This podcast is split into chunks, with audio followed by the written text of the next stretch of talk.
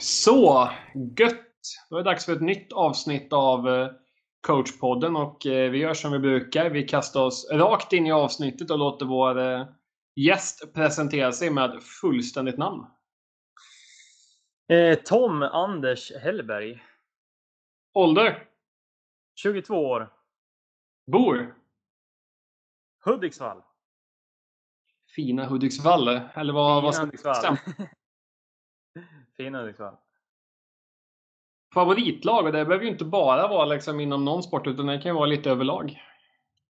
Eh, oj, innebandymässigt är det ju, finns det bara ett eh, Håsta IBK, Hudiklaget som jag alltid har spelat med. Eh, men eh, sen har jag ju ett brinnande intresse och eh, stöttar ju väldigt gärna Liverpool i fotboll. Så det är väl en hård kamp mellan de två. Ja, men precis. Hur, hur är du som supporter att eh, tänka på Liverpool-matcherna? Är du nervös att sitta och kolla eller liksom, eh, är det mer att TVn står på? Eller hur, hur ser ditt supporterskap ut när du följer på distans? Då?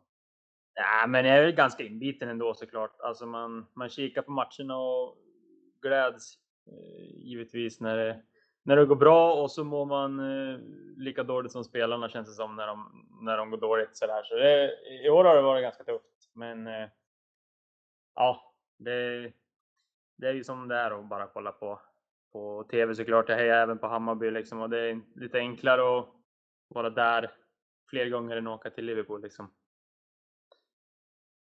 Jag går ju, det känns som att säsongens sista match för mitt favoritlag som då är Milan, men det kan nog bli tuffast också. De var med om ligatiteln ganska länge, men det hade man ju liksom ingen förväntan på att de skulle lösa, utan det var man ju inställd på. Men nu håller de ju på att tappa Champions League-platsen, så de måste ju vinna ikväll. Vi spelar ju in här en söndag mot Atalanta, som man har ju mått, eh, mått skit hela helgen känns som. Ja, och just nu när vi pratar så har jag Liverpool Crystal Palace på i, i bakgrunden här på TVn, så jag sitter och, och smygkikar lite där. 1-0 just nu, så det känns bra. Ja, men det är skönt. Men kommer, kommer ett avgrundsvrål någonstans under avsnittet så Ja, exakt. vet vi varför. Du vet varför. Eh, moderklubb, var det föreningen du nämnde först där va? Eh, jag spelade ett tag i Hudik Björkberg också. eh, De tidigaste åren, innebandyåren liksom. Men eh, när det blev seriöst, när man ja, spelade innebandy inte bara för att det var roligt utan för att göra en liten seriösare satsning så, så blev det Håsta. Så moderklubb är Hudik Björkberg. Och hur kommer det sig att det blev, eh, blev just innebandy? Testade du på många olika idrotter som, eh, som liten eller var det liksom solklart att det var innebandy som var sporten nummer ett? Nej, alltså det, sporten som jag alltid utövat och, och sådär, det är ju fotboll och jag är ju en, en fotbollskille i grund och botten. Och det började ju med när jag var 5-6 år där och innebandy kom ju, kom ju in i mitt liv ganska sent ändå. Eh, vi spelar mycket innebandy på gatan och, på, och sådär och i, i byn där jag är ifrån. Jag är, jag är född och uppvuxen i en liten by som heter Forsa utanför utanför Hudiksvall och där, blev, var- där var det mycket innebandy liksom. Ehm, jag minns att farsan och en till pappa startade ett litet semi-innebandylag där i byn. Ehm, men vi såg väl ganska snabbt att vi, att vi många hade talanger och då gick vi till Hudik Björkberg, en, en drös med, med grabbar som var, var sugen att, att lira på riktigt. Om man då skulle beskriva dig själv, eh, eller om du skulle beskriva dig själv, vilken typ av ungdomsspelare var du? Liksom, hade du någon eh, fast position och vad var dina styrkor? Jag är en ganska begränsad innebandyspelare. Eh, defensiva har väl alltid varit, alltid varit back. Spelar alltid boxplay och var väl inne på de här äh, stunderna på, under en match där vi inte hade bollen typ. Så en ganska begränsad innebandyspelare. En, en gillar att täcka skott och en bra spel, speluppfattning. Så det, det var väl en annan styrka. Det, man var inte den här som bågade in från bortre och satte den i bortre kryss utan man, äh, man fick då hockeyassist blev det mycket av. Jag känner mig helt. Jag brukar säga att min, min styrka som spelare var engagemang. ja, det gillar man ju ändå. Ja, brukar inte ge så mycket poäng, men eh, man var där i tid och hade med sig det man behövde och var beredd att göra det som, det som behövdes. Sen blev det ingenting utöver liksom det. Nej, men det, det är fint faktiskt. Men om man tänker liksom nu, nu vad vad tyckte du var det roligaste med, med att spela innebandy? Om vi tänker på, på träningen eller på matcherna. Liksom, att det var någon, någon del av eh, sporten som du tyckte var lite extra kul? Nej, men det var väl de här matcherna som, som gällde någonting och när det var när det blev ehm, matcher som, som betydde någonting och lite derbyn och sådär. Vi spelade ju med Håsta så spelade vi juniorallsvenskan och vi mötte Gävle GIK och de här lagen som med stora resurser och kommer ju liksom har en helt annan eh, ska man säga, helt annan position i, i innebandyvärlden där de kan hugga spelare från liksom stora Gävle. Och när man kommer 15-16 stycken från Hudik så, så var det och då var det krig liksom och det, det var sådana matcher man älskar. Jag förstår vad du menar. Liksom. Var det Gävle som var den givna antagonisten eh, i flera serier? Eller?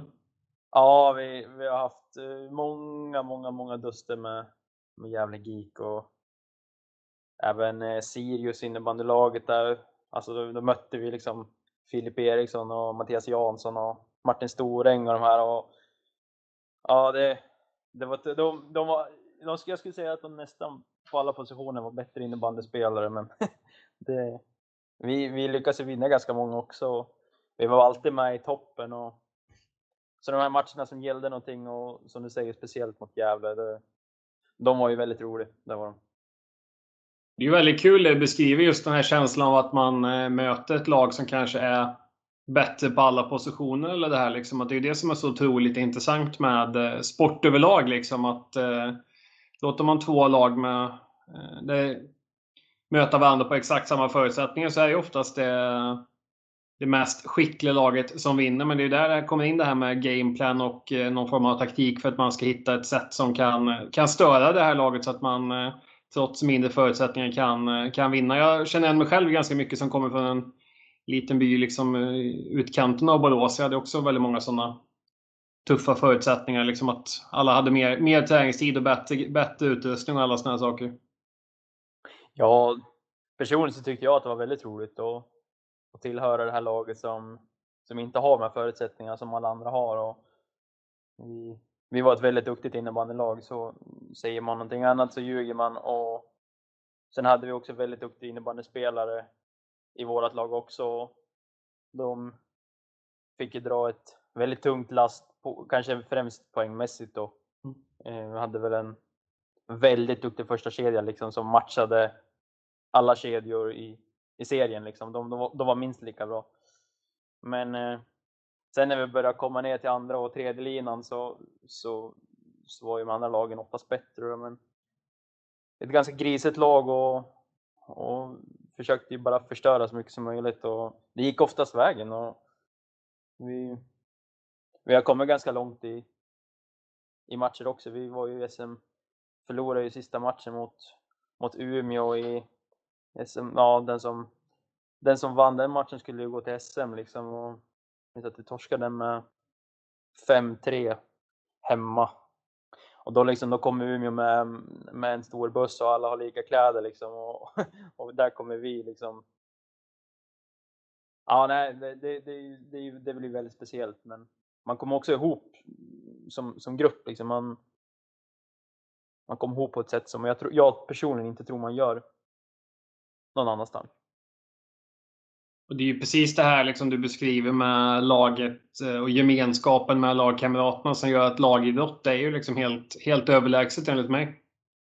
Ja, jag instämmer absolut. Det, euforin och, och vinna i ett lag, jag har sagt det, det. Nu har jag inte barn, men jag förstår att, att som förälder och fått barn mm, är ju en eufori som inte går att få någon annanstans. Men att vinna i en lagidrott Mm. efter 60, 60 minuter på innebandyplan eller 90 minuter på fotbollsplan eller vad det än är. Så, så den euforin kommer inte heller få någon annanstans. Nej, och eh, sista frågan på, på din egna lilla innebandyresa som ungdom där, det var ju om det fanns det någon bit som du känner att det var det här du tränade mest på under dina, dina unga år? Liksom att, eh, fanns det någon detalj som du tyckte var extra kul att stå och gnugga? Ja, alltså, eftersom jag, jag, jag spelade mycket powerplay och då var det man ju, det var ju point. Det var ju bara att passa sidled i stort sett. Um, men framförallt så var det ju det defensiva och få, få träna boxplay har man ju tränat väldigt mycket. Tyckte det var det absolut roligaste på, på innebandymatchen att få lira boxplay liksom. Det, då går man in med, med inställningen att de andra, de borde göra mål och, och klarar man det så, så är det bara en ren bonus liksom. Och det är väl kanske, ja, det, då skulle jag nog fan säga, det är boxplay man har, man har tränat mest på, täcka skott och ligga i, i, i linje liksom. Det, man eh, kanske inte längtar sen söndag kväll klockan nio och åka och träna innebandy när man visste att man skulle stå och täcka skott i 45 minuter, men eh, ja, det, det är ju på något sätt någon, någon njutning i det också. Ja, men jag, jag ler lite vid bara tanken här när man tänker boxplay på träningen. För det är så klassiskt också om man ska köra special teams på sin, på sin träning och sen boxplay går lite, eller powerplay går lite knackigt men boxen är liksom överjäklig så det blir liksom inget, det blir nästan negativ tank för powerplayen för att boxplay ja, är så jäkla bra liksom. Eh, nej, och man kan inte ha spelare som bara vill stå och skjuta i bortre heller utan man i ett innebandylag så så måste du ha några som går in och gnuggar också. Men man fick axla den rollen ganska tidigt. Jag tänker vi ska komma in då på själva, ska vi kallar det, huvudtemat för det här avsnittet som då är, handlar om psykisk ohälsa där du har en hel del egenupplevd erfarenhet av det här ämnet. Kan du, kan du berätta lite om det?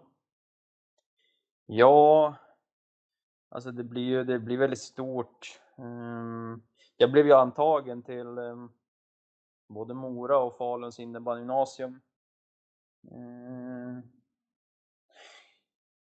Eh, jag, jag valde Falun och eh, flyttade dit och då hade jag ju Jakob Lundmark och eh, Camille Granelid som, som tränare och då var jag helt säker på att det var innebandy som var grejen i livet liksom. Eh, men eh, det tog ungefär lite mer än en månad så, så flyttade jag hem för att jag, jag mådde dåligt. Jag visste väl egentligen inte varför. Men på senare år så mer och mer har jag börjat förstått vad det har varit och det är som du säger, det, det har ju varit en psykisk ohälsa kamp liksom och det finns många faktorer i psykisk ohälsa. Det, det är svårt att bara säga psykisk ohälsa för det, det är så, så otroligt, otroligt brett. Um, men jag har väl haft en väldigt stor ångest och panikångestattacker och sådär och har väl mått jävligt dåligt liksom under flera år. Det var väl, det var väl där Falun-tiden när man började gymnasiet som allt började liksom. Och sista året på gymnasiet gick jag ju, gick jag ju inte ens i skolan utan då, då jobbade jag istället och gjorde skoljobbet hemma liksom. Och jag har väl jag har väl en eh, ovanligt eh, stor ryggsäck för att vara 22 år. Men eh, livet handlar om att man måste lära sig av, av alla stigar och vägar man har tagit. Och vissa vägar har jag tagit självmant och vissa vägar har jag bara, bara blivit tvungen att ta. Men eh, jag står här idag och har överlevt väldigt tunga år och väldigt jobbiga tider i mitt liv. Och allt ifrån sjukskrivning till eh, suttit på psyk liksom och stå här idag och ändå känner liksom att jag kan för första gången säga att jag är ganska stolt över mig själv och det, det är väl en vinst för mig personligen i, i livet liksom. Ja, helt klart en otrolig vinst och en, eh, en, en fantastisk resa att ta sig ur så pass eh, tunga, liksom, vad ska vi kalla det, motgångar och känslor? Ja, man, man får ett väldigt stort perspektiv på livet i allmänhet och man, eh, man förstår vad man har varit med om och att man omedvetet har sårat människor kanske för att man även fast man inte vet att man har gjort det men ja, som, som jag säger, det är omedvetet och mm. det är väl kanske främst familjen då jag, jag riktar mina ursäkter åt att jag har väl inte varit en perfekt son till familjen och det är jag ju väldigt, väldigt ledsen över och det är väl någonting som kommer såra mig resten av mitt liv såklart och det är någonting som alltid kommer finnas där. Och, men eh, jag har en väldigt fin kontakt med dem och har ju alltid haft det liksom. Och jag är väldigt, väldigt glad att jag har dem, för, för utan dem så, så hade jag nog inte varit vid livet idag om jag ska vara helt ärlig. Det är ju en av tankarna jag får när, när jag hörde dig berätta, det är också här att när man har en person som man kanske upplever att den, den gör liksom felaktiga saker. Liksom. Det här kan ju vara både inom skola och inom idrott och vart som helst i samhället med någon som kanske det här klassiska skapar problem. Att det är oftast att det finns liksom något bakomliggande som gör att den personen mår jäkligt dåligt och liksom påverkar att den gör just de här sakerna liksom och så. Ja, absolut. Och speciellt när som du säger att man har ingen aning om vad folk har varit med om och man har ingen aning om eh, hur folk mår om man, om man inte frågar. Och frågar man inte där så, så ska man heller inte döma någon oavsett hur man, hur man är, hur man ser ut eller ens beteenden utan det Ja, det, det, det, det är jättesvårt och det, det är också en väldigt bred brett samtalsämne liksom det här med att kanske främst det jag tänker på då är ju omklädningsrumssnack.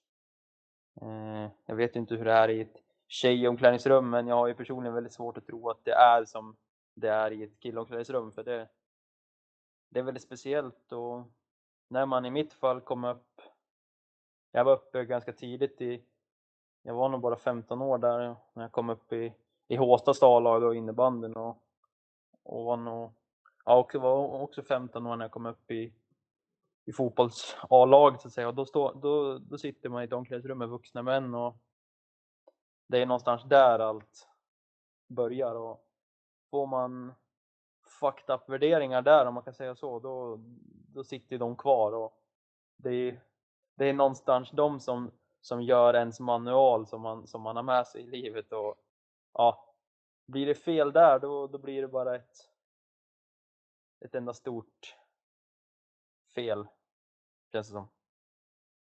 Det är ju otroligt viktigt ämne att prata om just det här som du nämner, omklädningsrum. Eh, framförallt när det kommer upp unga spelare som då hamnar i en... Och det, det behöver ju inte handla om att man inte innebandymässigt kan tillföra i den miljön. Jag är övertygad om att de flesta unga som kommer upp är ju för att de har, har skills med framförallt klubba boll. Men just det här det sociala som blir runt, runt en väldigt, väldigt ung spelare som då tappar kanske kontakten med jämnåriga liksom och hamnar i en sån, eh, sån miljö liksom med den typen av värderingar. att eh, eh hur, eh, du beskriver ju lite att det påverkar dig ganska mycket, liksom, men eh, hur hade man kunnat kanske förebygga liksom, just i ett sånt omklädningsrum? Nej, framförallt så, så ska det ju bara inte få hända.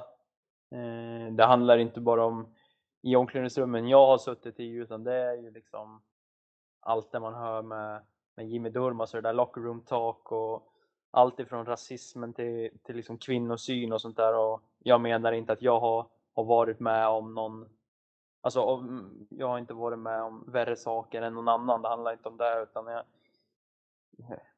Jag vet bara att det, det går Det går väldigt fel i väldigt många omklädningsrum bland killar och Det man skulle kunna göra det är ju bara att Att alla grabbar inser, ja speciellt grabbar, att, att alla grabbar inser att Det här är någonting fel och det här måste vi ändra men det är ju, det är ju, det är ju inte så enkelt då tyvärr. Och att fråga hur man mår och fråga hur läget är och ge varandra en behövande kram, det existerar ju inte hos väldigt många och det, det är ju tragiskt att det ska vara så. Jag tänker också, det är ju också en sån här klassiker med eh, när man kommer upp i ett seniorlag att det brukar vara sån här, vad ska vi kalla det, inkilning eller nollning och liksom sånt. Det fanns ju under några år det var väldigt eh, uppmärksammat många liksom negativa upplevelser. Liksom dels kan det ju varit att man eh, gav alkohol till minderåriga och liksom även då väldigt nedvärderande aktiviteter som liksom nollning eller inskolning. Upplevde du något, något sånt? Jag minns att du hade någon nollning där när man kom upp i A-laget, men det var, det var faktiskt ingen, ingen fara säger jag. Nej, men det, det, var, det var inget sånt. Men sen har man ju självklart suttit som tredje person och sett, sett det här. För när man har blivit inkilad en gång så blir man det ju inte något mer. Och, men det kommer ju också folk som är yngre än mig som, som kom upp i, i A-lagen och sådär. Man, man har sett saker och det är inga saker som är någon big deal egentligen, men det är saker som är fel och det är saker som inte egentligen ska, ska hända. Liksom. Jag tänker när du mådde liksom dåligt och befann dig liksom eh, i det liksom med allt vad det innebär med ångest och panikattack som du pratade om. Att, vad hade du för relation till innebandyn då? Var det liksom någonting som hjälpte det att ha något positivt eller blev det bara liksom någonting som satte press och gjorde saken ännu värre? Nej, men innebandy, både innebandy och fotboll. Jag, jag har ju spelat mer fotboll än jag gjort innebandy och fotbollen och, och innebandyn just i, i 15-16 års åldern var väl räddningen liksom för, för innanför de linjerna och innanför sargen så, så tänkte man inte på någonting annat och det var ju liksom, det var som en frizon för mig, vilket jag är väldigt glad över att det var. För, för vissa är det ju också helt tvärtom och det, det är som du säger, psykisk ohälsa överlag, det, det är väldigt brett och det är väldigt många som, som känner helt, helt olika och två stycken personer som lider av psykisk ohälsa kan lida av två helt olika saker och de kan uppleva också sakerna väldigt annorlunda. Och... Men för mig har det varit en väldigt fri zon med, med innebandy men också med fotbollen då och som jag sa, jag är, jag är väldigt glad att det, att det fick vara så för jag lider ju med dem som har det tvärtom. Det är ju det också som gör att det är så himla himla viktigt om man ska försöka ta sig ur någonting att, eh, som är väldigt, väldigt negativt. Att man hittar liksom kanske positiva delar och stärks av dem. Eller hur, liksom, hur har ditt arbete för att ta dig ur liksom det sett ut? Nej, men man har ju fått fokusera. Då, då har man ju måste ha tänkt mycket bredare än själva innebandyn och fotbollen överlag. Utan då har man ju fått tänkt väldigt brett. Och det är ju, det är ju som du säger, det, det har ju handlat om hela tiden att fokusera på, på allt det viktiga i livet. Och, och även fast jag är 22 år så har jag ju större erfarenhet än vad de flesta har. Och det är väl både på gott och ont. Men det är ju, ja men det är ju som du säger, det är klart att man måste fokusera på de viktiga sakerna och i min familj, min familj har varit väldigt viktig och och släkt och vänner och sådär. Så de har man försökt värna om så, så mycket som möjligt.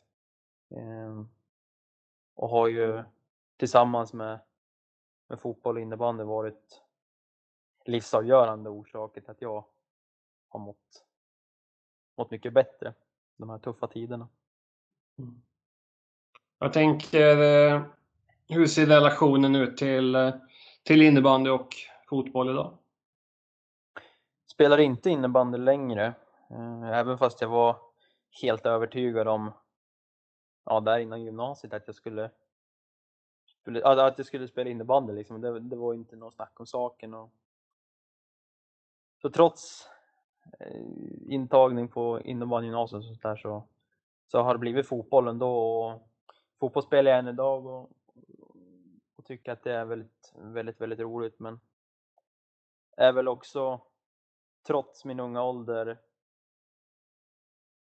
ja, jag har väl börjat insett vad som är viktigt i livet och det är som jag nämnde tidigare, det är liksom familj och vänner och jag har kusinbarn och jag har gudbarn och jag har lite sådana där saker som jag, jag listar högre på min lista så att säga. Och de, eh, fotbollen blir ju sekundär, det blir ju så. Det, man, har, man har slängt bort den där tanken om att på något sätt bli proffs liksom. Och det var väl där man tänkte både, både i fotboll och innebandy i tidig ålder, att man, att man ville bli bäst i världen liksom. Och, och alla sådana där saker. Och, men sen har man ju sänkt, sänkt målbilden för varje dag som har gått liksom. Och nu, nu spelar jag för att jag tycker att det fortfarande är väldigt, väldigt roligt. Eh, jag eh, upplever att jag har ju väldigt mycket kvar att ge såklart, men ändå, oavsett min ålder eller inte så, så har jag insett vad som är viktigt i livet. Och det är synd att det ska behövas en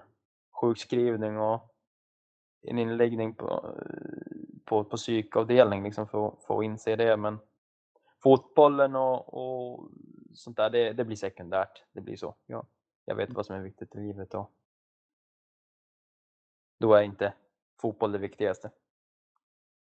Det är ändå väldigt intressant att prata om att du ändå behåller liksom eh, fotbollen och spelar just för att du tycker att det är kul. För jag kan ju tänka mig i alla fall att det finns eh, väldigt, väldigt många som slutar av, eh, vad vi kalla det, sportsliga skäl. Att man eh, vid en viss ålder inte är där man förväntade sig att vara. Att man kanske tänkte liksom att ja, men nu är jag 18 och jag tänkte att jag skulle gjort debut i Allsvenskan eller jag skulle spelat i SSL och varit med i distriktslag och allt, eh, ungdomslandslag och såna här saker. Och liksom, att man känner att ja, men jag har inte lyckats med det så då skiter jag i allting och så slutar jag. Men jag tror jag tror det är väldigt viktigt att liksom gnugga på liksom och fundera på de här sakerna just att man tycker att det är jäkligt kul att vara en del av ett lag. Att få gå till en träning och känna en samhörighet och liksom vara en del av en gemenskap och liksom de här bitarna. Så jag tycker det är väldigt fint att du beskriver att du fortfarande spelar och att du tycker att det är jäkligt kul just.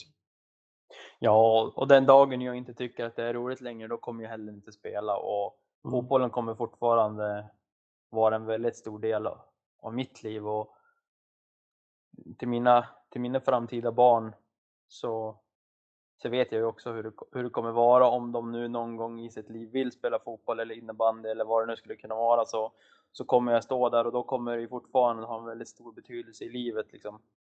Ehm, men det är liksom, det är också som du säger det här med att man, att man kanske blir besviken på målbilder som man har målat upp och lite så var det ju med, med innebanden att jag, jag hann ju måla upp en bild där när jag, när jag blev antagen till Falun och där, där trodde jag väl på något sätt, inte för liksom att, att tycka att jag är bättre än någon annan, men där, tyck, där, där tänkte jag ju liksom att nu, nu har jag ju chansen här och, och kanske slå mig in i Falun då.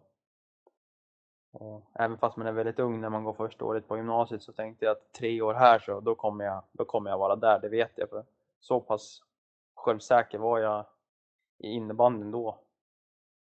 Men sen blir det ju, ja, då blev det ju som en riktig käftsmäll när man, när man flyttade hem och mm. man visste egentligen inte varför man mådde dåligt utan man, man mådde bara riktigt, riktigt piss. Man kunde inte sätta ord på det. Och det är väl också... Gå ut års, årskurs nio och liksom flytta till en annan stad och liksom eh, få helt nya förutsättningar. Ja, men det, det, det är ju så. Det, man flyttar ju helt ensam och man har ju, i mitt fall så har jag inga släkt eller vänner, ingenting där.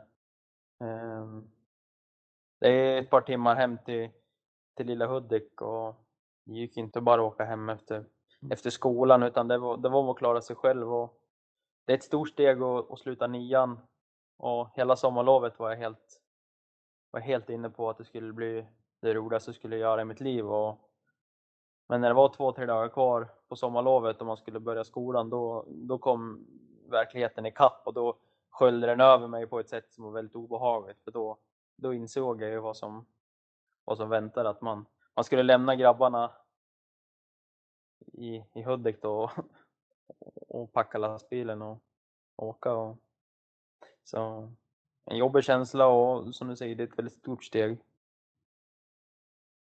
Det är ju väldigt intressant att prata just att man, vad är som föranleder. Jag drar ett parallell till mig själv. Jag var 21 när jag flyttade hemifrån.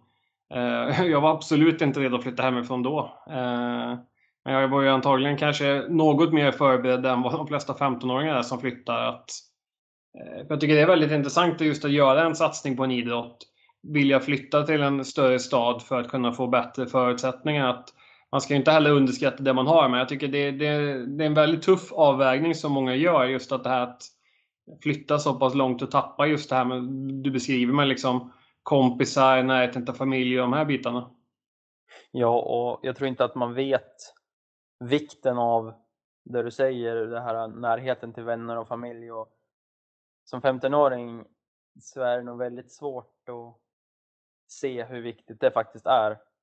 Ehm, jag har en, jag har en kompis som, som eh, spelar i, i Skellefteå i, i SHL i hockey och vi gick i samma skola, i samma klass och sådär och han flyttade när han slutade åttan. Ehm, så då flyttade han till Mora och, och gick nian där för att få bättre förutsättningar till att komma in på till hockeygymnasiet där då. Ehm, och då minns jag att han bodde hos sin farmor där i Mora och det är också såklart väldigt speciellt att och flytta från sin familj och alla vänner ensam till sin, till sin farmor. Och då, det är väl kanske inte så som man tänker att en idyllisk eh, 14-åring ska tänka men det gjorde han ju e-, egentligen enbart för idrotten och ja, han spelar i, i SHL i, och jag sitter här så, så någonstans så, så har han ju kommit en, en bra bit på vägen till att, till att spela i NHL. Liksom. Ja, men givetvis finns det ju liksom kan nog säkert hitta lika många lyckade flyttar som man kan hitta, om vi ska kalla det, jag ska inte kalla det misslyckade satsningar liksom, men eh, det är ju otroligt intressant liksom att man tar ett sånt beslut som 15-åring att flytta så pass långt som, som ni båda gjorde där liksom och eh, jag tycker det är, det är någonting man skulle behöva diskutera och uppmärksamma samma mer, precis som eh, det här som vi pratar om med psykisk ohälsa. För du, du har ju faktiskt börjat föreläsa om just, eh, om just det. Och kan, kan du berätta lite om varför du valde att börja föreläsa om det? Ja, men precis. Nej, men det var, det var en anställd på Hälsinglands innebandyförbund som eh, hörde av sig eh, två veckor innan en sån här distriktsträning. Eh, och eh, de skulle ha en föreläsning och eh, jag har aldrig föreläst.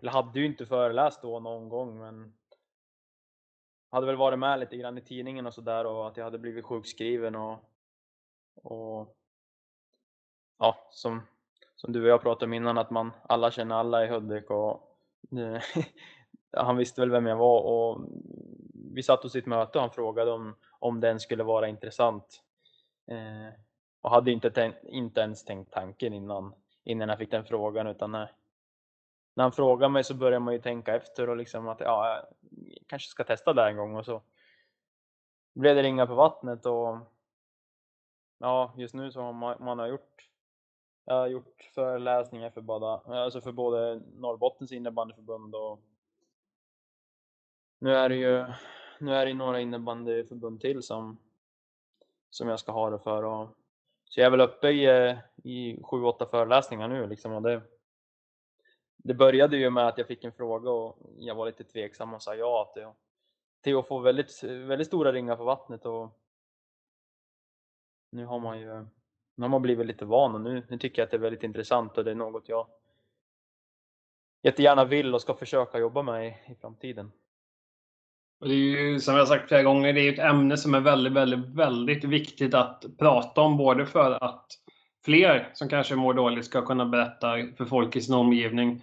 Men också att folk i omgivningen ska bli bättre kanske utbildad på hur kan man fånga upp en sån person? Hur kan man... Eh, finns det, alltså, fortbildning i ämnet är ju enormt viktigt. Jag tror framförallt kommer vi inom idrotten ha tuffa år framöver efter pandemin där man liksom all allting tyder ju på att det är fler som mår, mår jäkligt dåligt nu när man inte får träna så mycket eller inte spela matcher och de här sakerna och liksom det blir en väldig begränsning av idrottandet. Eh, så jag tror att det, är ett ämne som är väldigt, väldigt viktigt att vi fortbildar oss inom.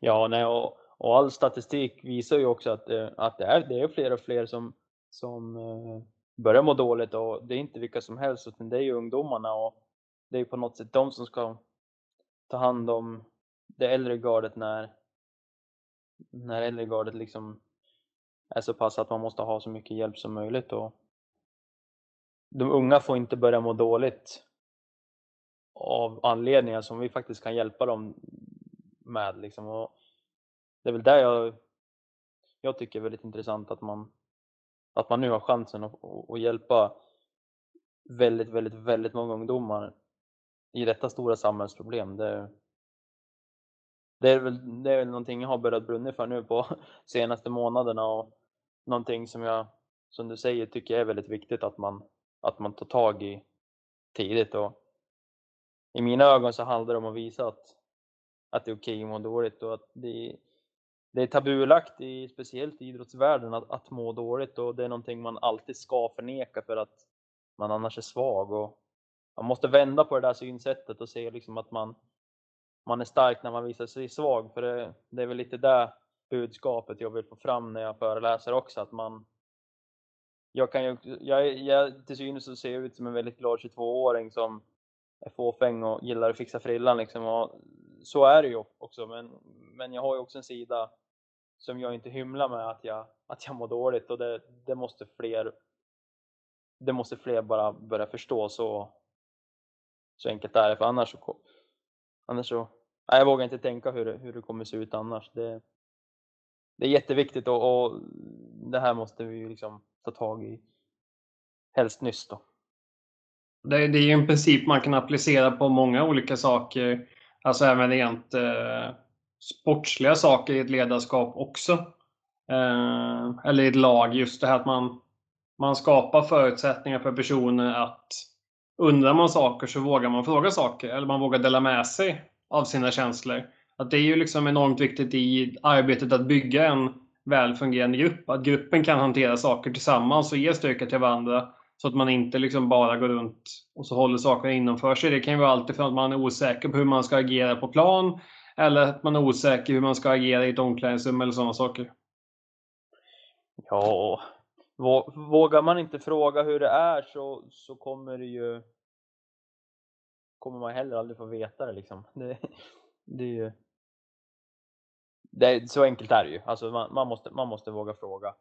Eh, man måste våga kramas och man måste våga fråga hur, hur det är med folk. Och sätter vi på oss en mask och målar upp en fasad som att allt är bra, då, då kommer vi vara legogubbar till slut för att alla, all, alla människor i, i världen har ju problem i, i olika utsträckningar såklart. Vissa, vissa mår dåligt av en anledning och, och andra av någon annan anledning. Och, mm alla anledningar är helt okej. Okay. Eh, och vi måste, vi måste acceptera att man, att man inte är glad och, och taggad på livet alla dagar utan man, man ska också få vara ledsen och lite nere. Och jag tänker att eh, vi spelar in det här en söndag den 23 maj. Eh, skulle det vara så att man lyssnar på det här innan onsdag och skulle vilja höra på hela din eh, föreläsning så ligger vi faktiskt ännu på onsdag 26 maj klockan 18. Som är i samarbete med ett gäng olika innebandydistrikt. Så då kan man gå in på antingen eh, Uppland, Gästrikland, Dalarna, Hälsingland eller Värmlands hemsida och hitta informationen här. Jag lägger också ut det på poddens sociala medier om man vill hitta in och eh, delta i den här föreläsningen eller eller om man vill helt enkelt vill komma i kontakt för dig för en eh, boka en föreläsning så kan man också bara höra av sig till podden på dens sociala medier eller så. Ja, absolut. Så har vi gjort lite, jag ska inte säga reklam, men det, det här är en enormt viktig fortbildningsmöjlighet för eh, spelare och ledare som jag tycker att eh, vi alla har ett ansvar att, att utbilda oss i.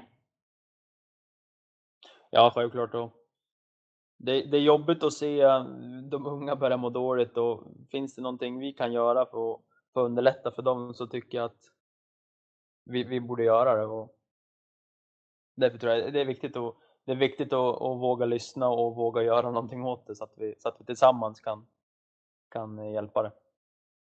Jag tycker också är väldigt intressant om man ska ge sig på någon reflektion här som när man ändå fått intervjuat väldigt, väldigt, väldigt många duktiga ledare, tränare, framförallt innebandy men även lite andra sporter, att det är väldigt många som faller tillbaka till de rent mänskliga bitarna när man pratar om vad var det som gjorde just det här laget framgångsrikt? Att Eh, man hittar liksom viktigt att många mår bra, kan må bra tillsammans, kan glädjas och eh, glädjas tillsammans, kan sörja tillsammans vid förluster och liksom att man hittar en grupp som kan, eh, kan hjälpa varandra och liksom skapa en positiv kravställan på varandra? Ja, det är, det är väl en klassisk sak att säga att man kommer ihop som grupp och att det är viktigt att man strävar åt samma håll, men det, det, det, det, idrottsmässiga i ett lag, det är, ju, det är ju givetvis viktigt. Alltså, det går inte att komma undan att man, att man också måste vara väldigt duktig i en, i en sport för att lyckas. Men eh, jag, jag kan inte låta bli att tänka på Leicester när de, när de vinner Premier League här för något år sedan när de tippade att komma sist liksom och man kommer ihop så otroligt tight som grupp och man, man lyckas vinna istället liksom. Det, för mig är det ett, jätte, ett jättebevis på att man, man har 20 stycken eh, individer i ett idrottslag som strävar åt samma håll och som, som mår väldigt bra tillsammans. Och, ja, jag kan inte låta bli att tänka, tänka den, den tanken att eh, det är ett praktexempel på, på vad ett lag ska vara i mina ögon.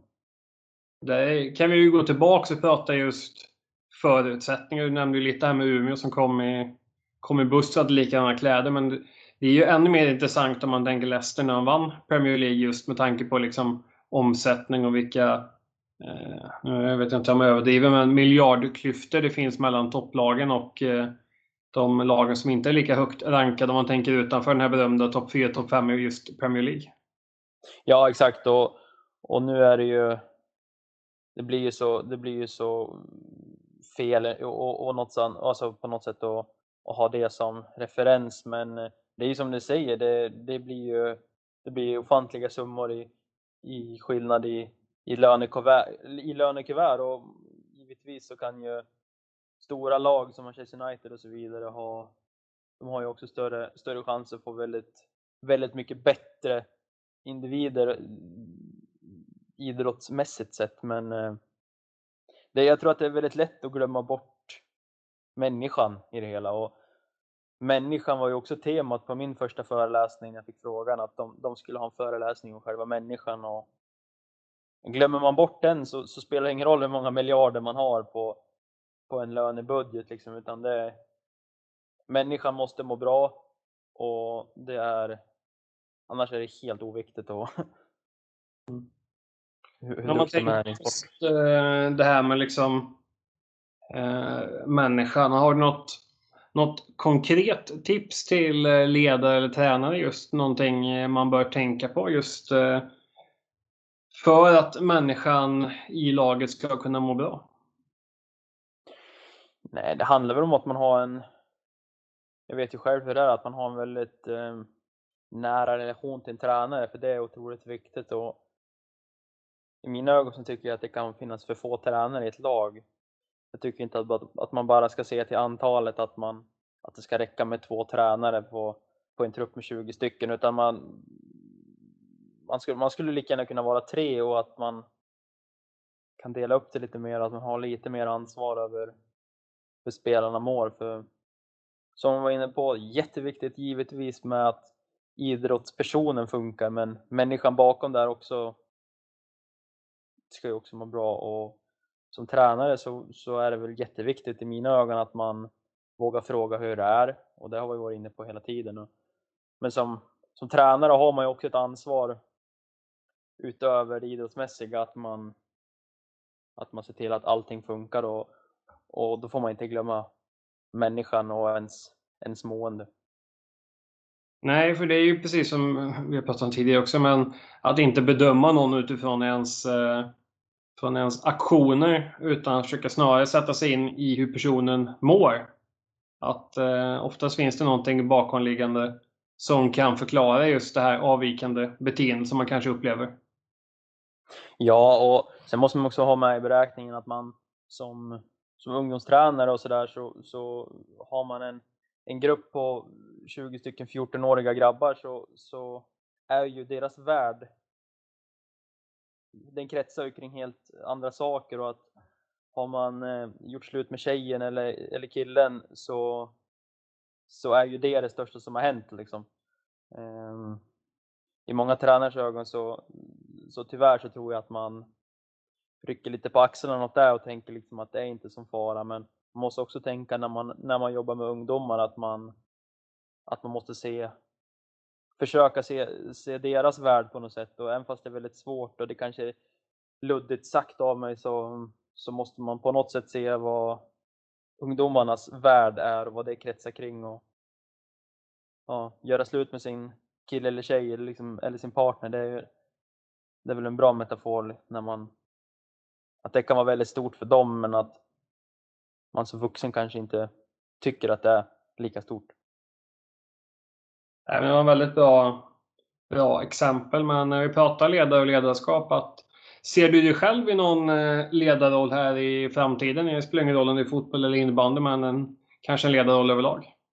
Ja, absolut. Det, det har jag sagt väldigt länge och jag är en väldigt, väldigt stor nörd i, i, i taktikmässigt och nu har det blivit ungdomsmäss, eller ungdom, mina ungdomsår så var jag ju väldigt, väldigt inne i det innebandiga, innebandyvärlden så att säga och den här taktiken där. Men just nu, senaste åren har det varit mycket fotboll och tycker om den här taktiken och att man vrider och vänder på alla olika stenar och så att man, så att man ser till att, att resultatet ska gå med en. Och så jag, självklart så ser jag mig om några år som, som en tränare och kanske inte den här kanske inte den här huvudtränaren utan mer få cirkulera bakgrunden och se till att alla mår bra och se till att alla syns för det, det tror jag är jävligt viktigt. Jo men det, det är helt klart och det, det kan ju även vara en, en huvudtränares uppdrag. Men för jag tycker det är väldigt intressant just det här vi pratar om också, att vara fler ledare. Det ser man ju ofta i ett, eh, kring, kring ungdomslag att personer inte vill ta på sig ett ledaruppdrag för man känner att man inte har den sportsliga kompetensen. Men där kan ju faktiskt alla bidra i, oavsett om man hittar pilar i streck på coachtavlan eller om man eh, bara kan stå vid entrén och säga hej till alla. Ja, och att man, att man har en lagledare har man ju har man många gånger haft benämningen liksom och att det är väl lagledaren, jag som innebandyspelare främst har fått bäst kontakt med och en huvudtränare, det de, de tycker man inte alltid om för att så ska det vara och blir man, blir man bänkad som, som 18-19-åring så, så tycker man ju per automatik inte om huvudtränaren och man håller inte med om allt men man, man visar givetvis en, en respekt, en ömsesidig respekt ändå. Ehm, men en lagledare och en, en, en laganknuten vuxen person, det, man behöver ingen utbildning på något sätt utan det handlar bara om att, att man ska vara en medmänniska och att man ska kunna se alla och, och ha en öppen dialog med, med folks mående. Det var en väldigt, eh, väldigt klok summering av ett väldigt brett, eh, brett ämne som är faktiskt väldigt eh, viktigt och intressant att, att prata om. Och som vi sa, där vill ni fördjupa er kunskap ännu mer så kan vi verkligen rekommendera att ni går in på onsdagens föreläsning eller håller ögon och öron öppna framöver efter framtida föreläsningar.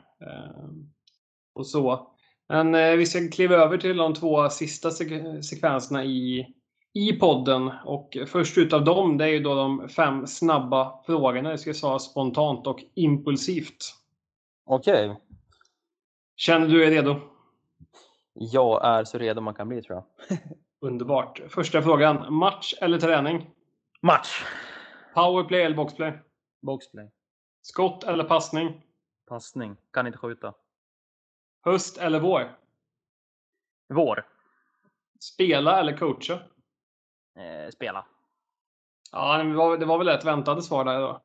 Ja, det känns så. Va? Eh, ja, kanske, kanske lite ovanligt att säga boxplay istället för powerplay, men all, alla kan inte vara de här mm, spelarna som gör mål hela tiden, utan någon måste ju försvara också. Jag, jag axlar den rollen. Det, det, är ju faktiskt väldigt intressant när man pratar om eh, att alla inte kan ha samma roll. Att det är faktiskt något vi eftersträvar. Alltså i innebandy på de flesta nivåer just nu. Det är ju mönsterbrytare. För det känns som att alla stöps i den här offensiva rollen när man står i ficken och nypa, nypa skott på mål. Eh, så vi ska absolut inte underskatta. Det är snarare så att vi ska börja värdera avvikande spelartyper mycket, mycket högre. För det är de som faktiskt kommer bli de avgörande. För om några år kommer vi ha så många snidare som kan stå och skjuta. Däremot kommer vi sakna någon som kan täcka skott.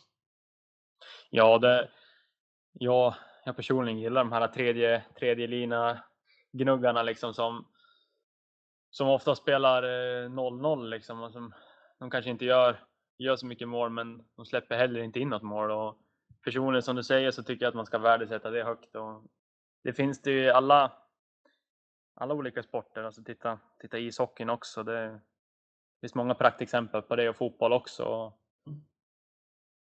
Ja, jag ser upp till dem för de, de får um, så otroligt mycket mindre uppmärksamhet och respekt än de här som du säger som står i fickan och vill nypa den i bortre liksom med, med en fin hook och ett bra pannband. Liksom. men det är lite som man kan säga att vissa får ju sin bekräftelse av poängligan där man kan gå in och se liksom ganska snabbt att man har gjort bra saker. Men just ja. skott och defensiva aktioner, det, det syns ju inte i någon poängstatistik. Så där tycker jag att det är ju extra viktigt också att vi ledare jobbar med att uppmärksamma dem. Så att de får sin bekräftelse också. Liksom, givetvis ska vi ge beröm till dem som gör poängen. Men det är mycket lättare för dem tror jag att se att de gör bra saker. För de får ju liksom svart på vitt. Så att, eh, för den defensiva backen kan det vara så viktigt att få lite extra pushning. Ja, den, den rollen hade ju jag då väldigt, väldigt ofta. Man, man var ju man var inne så fort så fort första linan i, i motståndarlaget var inne då, då skulle man också vara inne och ja, inte alltid jätteroligt såklart och man, man hamnar ju i, i svåra situationer och man, man ska heller inte underskatta de här som, som står högst upp i en poängliga för de, de har ju på något sätt gjort poäng och det är så du vinner en innebandymatch eller en fotbollsmatch eller vad det skulle kunna vara men eh, som du säger, jag tror att det är väldigt viktigt att man som ungdomstränare och ungdomsansvarig i ett, i ett lag att man eh, visar att det är väldigt viktigt att, att ett lag har många olika individer som är bra på olika saker. Och på tal om individer som är bra på olika saker så för du oss in på sista momentet där du ska få sätta ihop en egen eh, drömuppställning med eh, sex positioner, förslagsvis då en målvakt och fem utespelare. Oj, ja. Ja, men det ska vi väl kunna knapa ihop va? Ja, du får ju, du får ju helt fria händer till hur du vill sätta ihop den så att eh, och om du vill ha någon särskild taktisk disposition. Oj, eh, nej men inte sån, inte sån jättetaktisk tror jag. Det kommer vara en väldigt enkel och en eh, en eh, innebandy femma som jag eh, som inte spelar i, landslaget utan det här, är, det här är spelare som jag har mött under åren och, och spelat med. Eh, så målvakt har jag valt eh, Fredrik Enberg som eh, var målvakt i, i Håsta när jag kom upp i ungdomsåren och en väldigt speciell målvaktsstil men eh, ja, var otroligt duktig och vi spelade ju i Gästrike Dala Dala-serien där och Uppsala och räddade många poäng eh, och räddade många matcher till oss. Och just av hans aviga innebandy målvaktsstil så, så ser jag han som en given, given målvakt faktiskt. Mm. Eh, sen är jag ju Sen är jag ju lite kaxig utav med mig själv i den här elvan, men det är bara för att jag är så jävla bra innebandyspelare så jag, vill ha, jag, vill, jag skulle vilja ha chansen att, att spela med dem. Det är helt rätt. Man ska, man ska ta chansen alltså. Det är, det är alldeles för många som duckar för sig själva. Eh, så jag skulle nog bilda en eh, backformation med eh, Martin Storäng som eh, jag mötte många gånger med när han spelade i Sirius och Sirius som lag var ju väldigt, väldigt, väldigt duktiga när vi, när vi mötte dem. Och många hårda fighter och hårda bataljer och minns att han, han, han, han centrar ganska ofta och han hade väl fått gjort om sig till, till back då i så fall. Eh, men eh, utifrån hans innebandy-skills och hans eh, speluppfattning och spelförståelse så skulle det inte vara något jätteproblem faktiskt. Nej, jag, kan bara instämma. Det är en, jag har haft förmånen att ha honom som, som elev på innebandygymnasiet. Att, skillsmässigt så hade han hela, hela paketet på att vara han kunde ju vara tokdominant på, på den nivån. Eh, det var han även när vi mötte dem. han var fruktansvärt duktig. Eh, alla matcher och en spelare som du, som du hatar att möta men som du väldigt gärna delar tröjan med. Så att, eh, nej, då skulle vi nog bilda en, en eh, backuppsättning.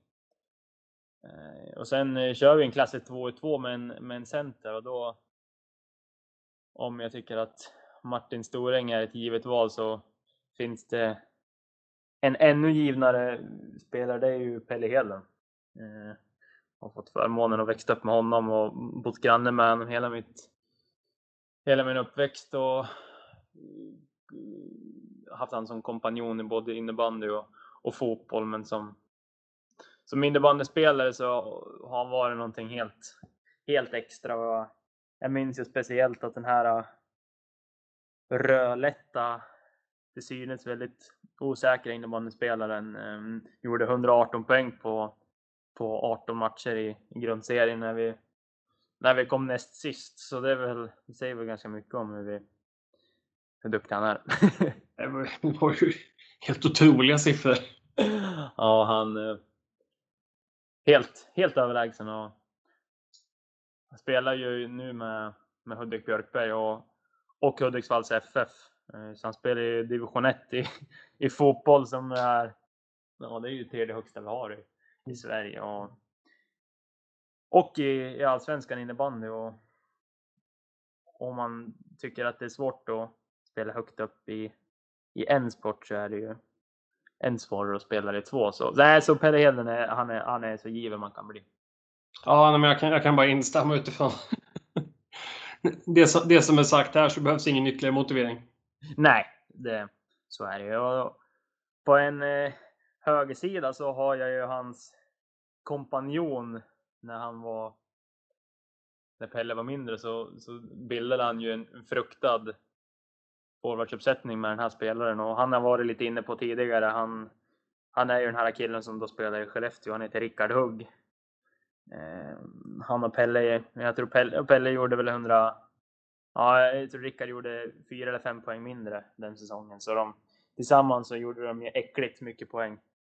Eh, liksom, är ju, en, är ju en hockeyspelare i grunden men, men hade liksom en, en näsa för mål och en, en offensiv kraft som man liksom så här.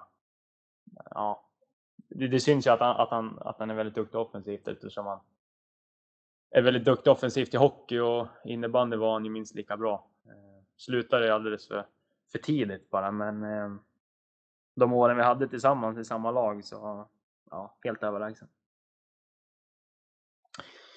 Eh, då är det väl bara en kvar och det är ju en en kompis till, till, till Martin Storing, det är ju Mattias Jansson som jag, även han mötte när han spelade i Sirius och även någon match. Nej, nej, nej, men det stämmer. Han spelade bara i Sirius.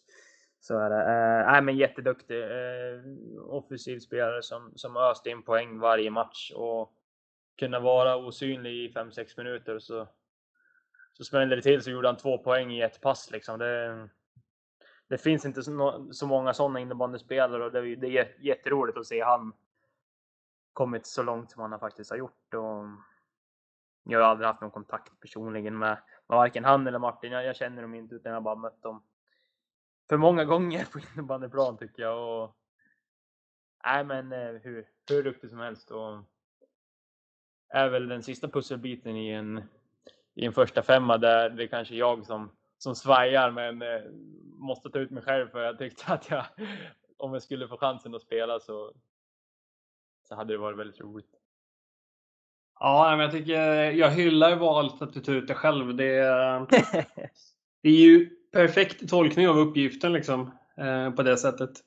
Jag tror inte att det är, jag tror att det är fyra stycken som hade stannat offensivt under en kontring och då är jag den enda som, som skulle springa hem. Så det, man måste ju också ha, i en offensiv femma så är det ju egentligen fyra forwards och en back och då måste man ha en väldigt defensiv back och då tycker jag ju själv att jag, jag tar den. Jag kan ju bara passa på att hylla också. Jag tycker det är intressant, som du nämnde Mattias, det är också en, eh, en spelare som gör en intressant resa. Att han kom ju upp väldigt, väldigt tidigt i, i Sirius och gjorde liksom bra prestationer där. Eh, men kanske inte riktigt blev eh, en gjuten spelare på 2-5. Men sen just det här att kliva ner en, en nivå till moderklubben Hagunda och kunna ta en, ta en större roll där. Växa och sen vara med och spela upp, eh, upp Hagunda till Superligan. Så det ska bli otroligt kul att följa, följa han de kommande åren. Eh, just det här att unga spelare, kanske att man inte hänger upp sig på att Eh, man kommer upp tidigt och kanske inte får, får det här breaket fullt ut utan att just kunna ta ett steg ner för att ta, två eller tre steg fram eh, lite senare.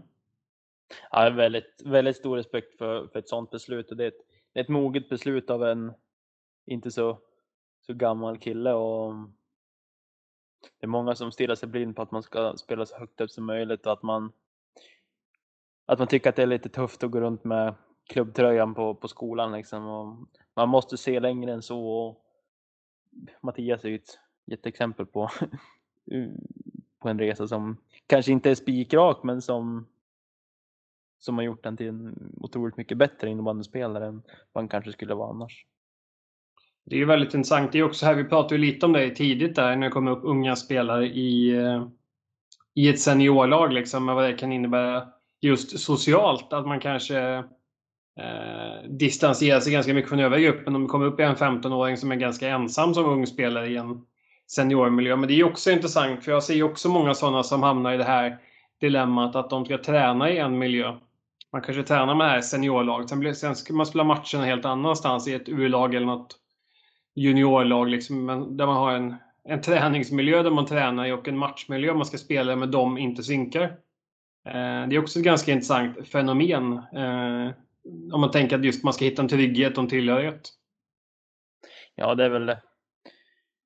När vi, när vi spelade i Håsta liksom så, så var det lite så, men då, då tränar man efter varandra och först så tränar man med juniorallsvenska laget och sen tränar man med, med A-laget och man dubblade på matcherna och när man, när man också skulle försöka kombinera ihop ett liv med som fotbollsspelare så, så, så var det ganska tufft. Och, mm. Men det, är, det är som säger, det var, det var många lördag söndag matcher när man lördagarna spelade man med, med A-laget och på söndagen så, så spelade man med ungdomslaget. Och, då går det ju såklart bra när man också får, får chansen att träna med båda lagen. Liksom, och det, men ju större förening det är, desto, desto fler folk finns det och då, då behöver man ju inte spela i två lag utan då kan man få fokusera i ett. Liksom.